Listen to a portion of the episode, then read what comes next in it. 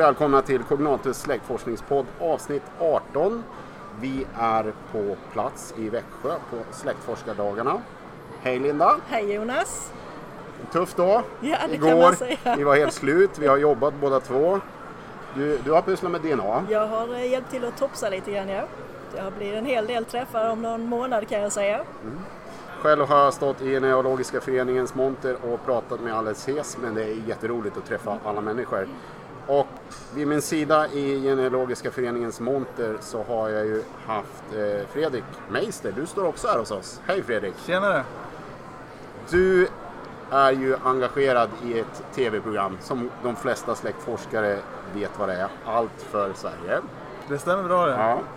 Du kan väl eh, berätta för lyssnare som, de som, som inte vet vad Allt för Sverige är så kan du väl berätta lite grann om vad är konceptet och eh, hur funkar det?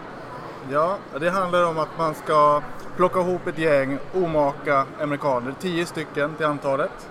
Vi tar dem till Sverige och eh, vi tar dem med på en resa genom landet. De får lära sig mer om sitt ursprung, om svensk kultur. De får lära sig vad vi svenskar äter, hur vi beter oss i konstiga situationer. De får lektioner av programledaren Anders Lundin i hur svenskar är. Eller hur han anser att de är. Rättare Ja, det brukar vara mycket lagom med har jag för mig. Mycket lagom. Mycket lagom ja. Och eh, hur och när började du släktforska själv? Jag började när jag var 16 år. Väldigt tidigt. Mm. Och vad var det som fick dig intresserad? Jo, en eh, sommar när jag var hos min farmor och farfar så undslapp min farfar en historia om att vi skulle ha släkt på Hawaii. Och det var någonting jag aldrig hade hört förut och blev genast nyfiken. Jag ville ju gärna åka på semester till den här exotiska platsen. Och så ville jag förstås ta reda på om, om det stämde. Så att eh, jag började på en gång. Stämde det? Det stämde. Det stämde? Ja. Får jag bara flika in, visst är det så? Du åkte på bröllopsresa till Hawaii, eller Ja, hur? ja. Vi, jag hade brevkontakt med släkten efter att jag hade hittat dem efter tre veckors tid. Och eh, vi pratade via mail i många år och sen 2010 så åkte jag och tjejen till Hawaii i tre veckor. Och så nu för två år sedan så åkte vi tillbaks och gifte oss med våra familjer. Häftigt och det hade då inte, du hade inte träffat dem annars liksom om du inte hade börjat med släktforska så Ja. hade inte resan gått dit kanske. Nej, nej Nej. precis. Det hade kanske inte blivit något bröllop heller. Men eh, hur kom det sig att du började jobba med Allt för Sverige då? Ja, det är nog mycket en slump faktiskt. Programmet hade en annan släktforskare under de första tre säsongerna som hette Helena Stark och som bodde i Uppsala. Jag bor också i Uppsala. Och vi lärde känna varandra genom att eh, hon var syssling med min fru. Eh, och vi hade lite andra gemensamma nämnare också. Hon hade adopterat två barn, den ena från Sydkorea och min svärmor är också adopterad från Sydkorea. Eh, så startade Helena upp ett släktforskarcafé i Alunda utanför Uppsala. Och tanken var att man skulle träffas då ett gäng släktforskare på tisdagskvällar och släktforska tillsammans helt kravlöst med fika och hjälpa varandra. Så det, där var jag med Okej. och eh, blev allt mer engagerad. Sen eh, gick Helena hastigt bort i cancer och eh, då började programmet söka en ny släktforskare. Och om jag minns rätt så var det så att Helena hade fått eh, höra om det här jobbet från första början genom en annan av våra bekanta som är eh, mamma till en av cheferna på produktionsbolaget. Lustigt nog. Så att, eh, när det blev aktuellt så fick, tyckte de ju förstås att jag skulle söka det här då. Så det gjorde jag och eh, det slutade med att vi blev två släktforskare den, den första säsongen som jag deltog. En eh, annan släktforskare som heter Leif Mörkfors som fick huvudansvaret och han har ju varit med i andra produktioner också kring släktforskning. Och eh, säsongen efter det, från 2015, så har jag själv rattat Allt för Sverige. Okej, ja. Och jag antar att det är ett eh, riktigt drömjobb för en släktforskare va? Ja, Ja, häftigt. visst är det det. Ja, men hur går arbetet till då? När ni, får du reda på vilka som ska komma hit? Jag är med redan från, från början och plockar ut. Det är inte jag som bestämmer vilka som ska vara med. Men jag är med och går igenom ansökningarna och eh, jag hinner gå igenom ungefär 150 ansökningar Det är varje, många, varje många år. som söker. Ja, ungefär runt tusen kanske.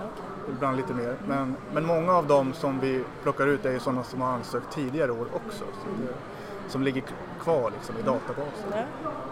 Eh, Så jag är med där och, och väljer ut. Men i början så går vi inte så mycket på släkthistorier utan vill först bara bekräfta att det finns en svensk gren som man kan Mm, följa. så att de inte tror att men jag är Ja, svensk och, och- så är de För inte sen svenska. är det så att eh, när vi minskar hela tiden efter intervjuer och sådär så, så flyger vi 40-50 personer till Los Angeles eller New York beroende på var de bor i USA för att träffa dem. Mm. Det har inte jag med utan det är producenten och sen är det två tjejer som ansvarar för castingen. Så att man vill ju inte lägga pengar i onödan på folk. Så därför är eh, mitt jobb måste gå väldigt fort där i början innan man flyger. Hur, hur sker marknadsföringen mot personerna i USA? Hur når Ja, man ut till de man- potentiella medverkande? Man gör ingen eh, reklam så som man betalar för utan det, det är de här två tjejerna och eventuellt några praktikanter som sitter från december ungefär i några månader och, och mejlar ut till alla möjliga bibliotek och mataffärer, polisstationer, myndigheter, allt möjligt i USA. Eh, och så även på Facebook i olika grupper. Nu har ju programmet gått så pass länge så att det har fått en viss spridning men det är ändå ett stort jobb. Deltagarna som kommer hit, de lär du känna då såklart eftersom det är du som forskar på dem. Ja, det, det, det roliga är att ofta så lär man ju känna dem redan innan man träffar dem. Genom mail och, och Skype och sådär. Och, och ofta så är det ju så att det är inte så lätt att hitta deras släkt i USA utan jag måste ta hjälp av dem och deras släktingar och de får leta på vindar och, och är på alla möjliga ställen för att vi ska bekräfta att det stämmer. Så att man har en ganska bra kontakt redan innan de landar. Och sen om jag är med på inspelningarna som jag är ibland då, då får man ju träffa dem och så håller man sen kontakten efteråt programmet också.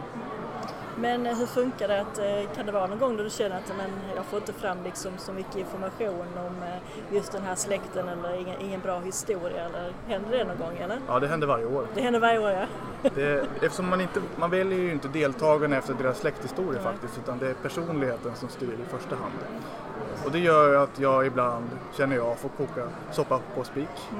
Att man får liksom försöka hitta på någonting utifrån det som finns. Det ska inte vara på låtsas, det, det måste ju vara äkta men, men man får ibland skarva lite och sådär. Så att det, För ofta så märker man att ni får fram bra historier som motsvarar hur personerna är idag. Så kan man oftast hitta koppling till någon person som som kanske då är utvandrare som har Ja. varit i ungefär en liknande sitt som den Det personen är det som är tanken, det är att det man ska det- få personen att känna igen sig i sitt svenska ursprung. Och jag tror det gör ju att de här deltagarna känner någonting för de här historierna också. Det är därför man, man gärna eh, gråter en skvätt. Ja, precis. Jo. Men hur mycket är du med själv i inspelningen? Är du med vid varje inspelningstillfälle? Nej, Eller? det har varit lite olika. Min första säsong, då var jag med hela vägen. Eh, Sen har jag inte varit med varje år, bara lite grann. Ofta så är jag alltid med eh, första inspelningsdagen så jag får träffa dem i alla fall. Sen går det ganska fort innan de börjar åka hem igen och så. Hur länge pågår inspelningen? Ungefär en månad. De som stannar längst är en månad och de som åker hem först är ungefär en vecka till tio dagar. Har det varit något eh, spännande som du har råkat ut för? Antingen något rent släktforskarmässigt eller något eh, som har med din medverkan att göra? Det, det händer ju jättemycket spännande varje år. Eh, många spännande historier man får fram, även sådana som man inte kan använda i programmet för att man vill ha någonting som är närmare personen som, som tydligare framhäver dem. Eh, men, men visst är det mycket spännande som händer och, och under inspelningarna så går det alltid åt skogen med mycket. Vilket är lite lustigt. Jag var inte med dem men, första säsongen tror jag, eller om det var andra, så brände ju hela teamet ner en lada. För en bonde som de hade lånat hans gård som inspelningsplats. Men han var ganska nöjd för att det där blev ett försäkringsärende och han hade ändå tänkt riva den. Win-win. Ja, Okej, ja. Hur mycket tid lägger du sen ungefär på varje deltagare när du forskar? Oj, det är jättesvårt att säga men man kan säga så här, jag börjar i regel i mitten på januari och jobbar till slutet på maj. Och under den tiden så sitter jag minst 10 timmar om dagen. Oftast mer, både dag och natt. Och det, eftersom mycket går mot USA så får man ju anpassa sin dygnsrytm lite därefter också. Eh, och varje delstat har ju sina tider så det, man är uppe lite hela tiden. Hur ofta händer det att du hittar att du själv är släkt med någon av deltagarna? Ja, men nästan varje säsong så hittar jag något Ja. släktband. Oftast är det väldigt avlägset men i den kommande säsongen så har jag faktiskt en, en ganska nära släkting som, som har gått långt i programmet. Okej, ja. Mer än så säger jag inte just nu. Nej, för du får väl fråga om vem, vem vinner i år, men det berättar du inte. Nej. Givetvis. Nej, nej, jag berättar inte ens för Nej. min egen familj. Okej. Eh, men du får, ja. Eh, jag på? Ja, jag såg ju Ni började något av de första avsnitten år, tror jag ni spelar in i Helsingborg. Stämmer bra. Ja, Kommer de dit? Är det där de kommer dit först eller? Ja. Häftigt. Vi, så- försöker, vi försöker ju byta ut platserna lite Mm. varje år så att det blir, blir något nytt. Men nu har, nu har vi gjort så många säsonger så det brukar bli svårt att variera. Ja, för jag var nere och kollade när jag hörde att det skulle vara där så måste jag gå ner och se om jag ser några amerikanare. Men jag var där nog vid fel tid. Jag tror de var lite sena. Jag var där direkt i det klockslaget men då var det bara produktionen på plats så att jag såg ingen. Det, det är så när man, när man spelar in sådana här program att eh, de tider som är utsatta är sällan de det blir utan i regel är man två, tre timmar försenad. Ett år så hade vi en deltagare som eh, kom för sent på grund av blixtstormar så att han sattes på en buss direkt från flygplatsen och kördes till inspelning. Jag är ju stort fan av det här programmet så att det, det roligaste är när de har de här speciella dagarna.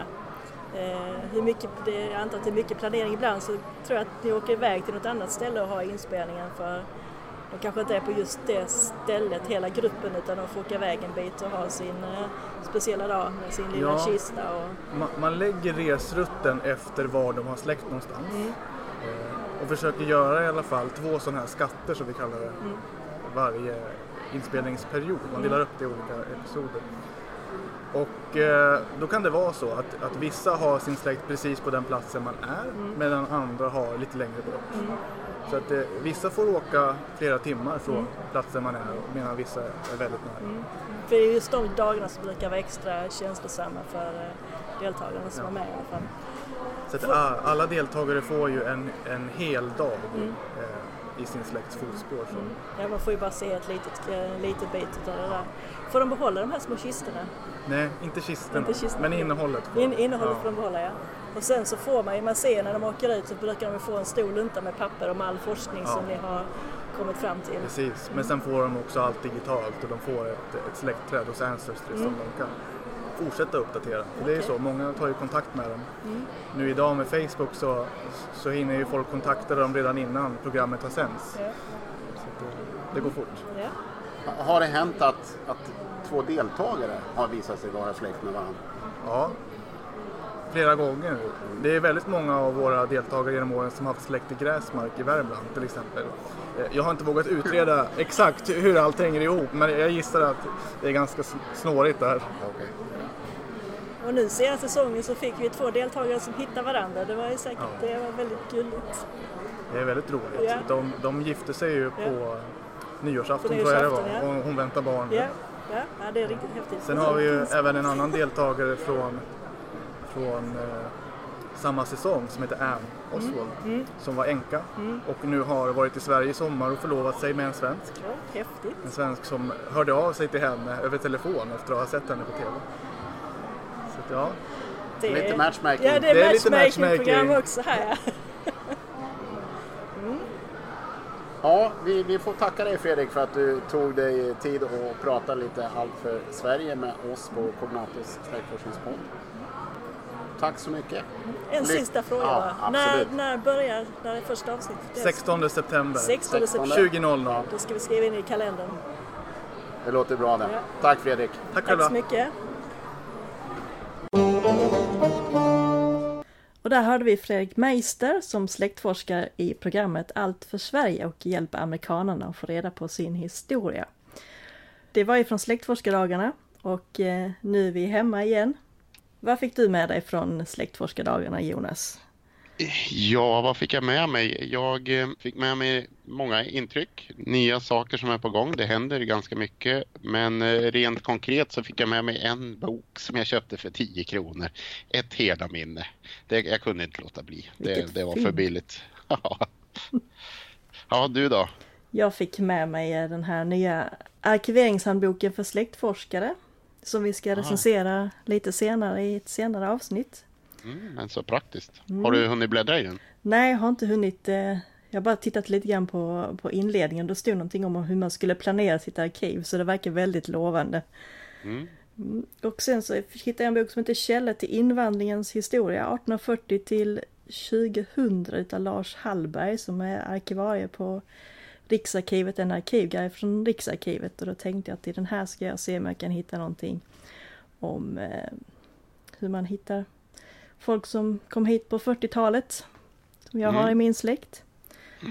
Och så Släktforskarens lilla faktabok 3 som är full med intressanta tabeller om Ah, ja, dödsorsaker och allt möjligt. Mm. Ja, eh, vi fick ju faktiskt med oss lite annat också. Vi spelade in en eh, del inslag Ja, som vi kommer att kunna lyssna på i vår podd framöver. Mässan som sådan tycker jag var jättebra. Lokalerna var ganska bra. Det blev lite varmt stundtals. Vi stod ju nästan grannar, du och jag. Jag stod i Genealogiska föreningens bås, eller monter heter det väl. Och du stod i Family Tree DNA. Precis. Och det var, vi får väl säga att det var ju fullt upp hela tiden från lördag morgon nästan innan de öppnade. Eh, På lördagen hann jag äta en Fanta. Okej. Eh, ja, jag var, jag var nog... Jag köpte två mackor varav jag glömde bort att äta upp en. För att jag hade så mycket att prata om. Men det är roligt. Precis, det var jättekul. Det var jättemycket folk där så att eh, det var hur trevligt som helst. En sak som gör mig lite förbryllad dock, det är att jag... När vi nu var på mässan där nere så fick jag höra var man planerar att eh, mässan ska gå av stapeln, eller släktforskardagarna ska gå av stapeln framöver. Och nu kommer jag inte ihåg, eh, rätta mig om jag har fel, är det Borås nästa år? Ja, Borås är Och nästa sen så år. är det Göteborg. Ja, Och efter det var det Skövde. det stämmer nog. Ja. Ja, Mm. Så att det, det kommer ju att vara så att det kommer vara där nere i sydvästra Sverige ett antal år framöver. Vilket jag kan tycka är lite synd, men det är väl säkert så att man, man kanske har svårt att hitta eh, föreningar som har eh, muskler nog att anordna en, ett sånt här eh, projekt. För att det är ju verkligen ett, ett stort projekt det handlar om. Mm, Det är ett jättestort projekt. Man behöver många som hjälper till och man får planera i god tid innan. Så att det är, Men, men det kan ju vara en idé för någon som sitter och tänker ut eh, någon slags eh, ny släktforskarprodukt där hemma. Att man ska ha ett, ett fokus på Västergötland eh, i, i den idén. För att då kommer man kunna presentera den i, i tre år framöver på släktforskardagarna mot en eh, väldigt bra målgrupp. det låter som en plan. Ja, jag tror det. Jag får, jag får se vad jag kan komma på.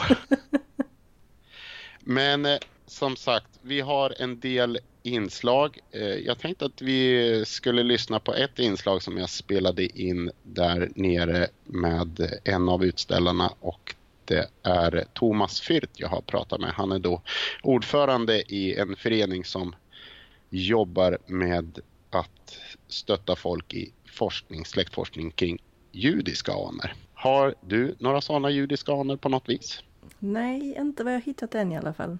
Nej, inte jag heller. Men det finns säkert massor med lyssnare där ute som har det. Och då tänkte jag att då kan man ju få en liten vägledning om hur man tar hjälp av dem. Så här kommer ett inslag ifrån Växjö.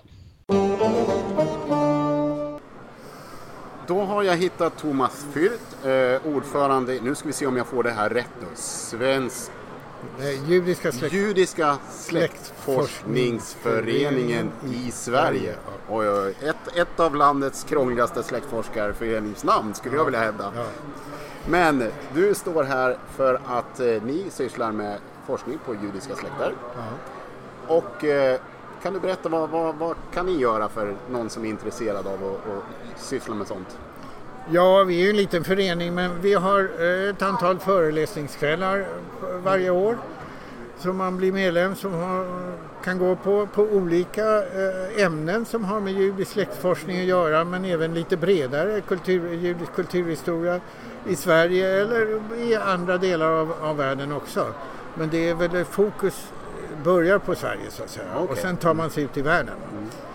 Vi har studieträffar också där vi har eh, träffats lite informellt eh, några gånger. Så fort vi har en tillräckligt stor grupp och eh, eh, folk har med sig problem som man löser eller försöker diskutera runt. Vi ger ut ett nyhetsblad som kommer ut fyra gånger om året med lite tips på litteratur och på konferenser man kan åka på. Eh, Vi är medlemmar i Sveriges släktforskarförbund men vi är också medlemmar i internationella judiska släktforskningsorganisationen som ordnar stora eh, släktforskarmöten, typ släktforskardagarna men mer med föreläsningar en gång om året. Nu senast var det i Warszawa Förra året var det i eh, Orlando i Florida och innan dess i Seattle, har varit i Paris och Jerusalem. Det flyttar runt. Ja. Så att där är vi medlemmar också. Och så att, eh, eh, sen har vi nu börjat ett samarbete med den eh, judiska folkhögskolan Paideia. Så att vi har haft en regelrätt kurs i judisk släktforskning i våras och det ska bli en ny till, till våren. Vi har samarbete med den stora internetportalen som finns om judisk släktforskning som heter Jewish Yen. Där vi såg till nu att eh, i den stora eh, begravningsdatabasen som de har tillföra eh, de judiska begravningsplatserna i Stockholm. Okej. Så att via församlingen så fick vi underlag som vi förmedlade vidare. Så det är sånt man gör också. Ja. Lite katalogiseringsarbete. Ja, Ja. förmedlingsarbete. Ja, förmedlingsarbete Ja, vi är det. 130 medlemmar Ja. och flertalet av dem kanske inte ens är släktforskare utan mer kulturhistoriskt intresserade. Så att vi har inga mängder av människor som registrerar och sånt men vi kan förmedla en del uppgifter. Men eh, om man nu skulle vilja bli medlem eller om man vill söka information om den här eh, studiecirklar och lite sånt ja. där. Hur gör man då? då? Ja, man går in, man, först kan man gå in på vår hemsida Mm. eh, ljudgen.se. Där finns det både om föreningen om judisk släktforskning, Mm. hur man blir medlem. Och blir man medlem så finns det medlemssidor med lite Okej. mera information. Eh, så att det är väl eh, det sätt som jag tycker man ska göra. Man, man eh, tar kontakt med oss och, och man kan skicka in frågor givetvis. När man blir medlem så får man också en liten eh, handledning som jag och min tidigare ordförande Carl, Kalle Karlsson och, och några till har skrivit ihop. Det är ingen märkvärdig men det är en slags eh, liten handbok hur man söker sina judiska anor på nätet. Mm. Och det där beror ju lite på, alltså man kan ju ha sina judiska, det här är ju inte en släktforskningsförening för judar utan för folk som har judiska anor, vare sig man är jude idag eller inte. Mm. Och, och då kan man ju ha sina judiska anor långt tillbaka. I Sverige har det funnits judar eh, som inte behövde konverteras sedan 1700-talets slut så att säga. Och innan dess så finns det folk med judiska anor vars förfäder var tvungna att konvertera.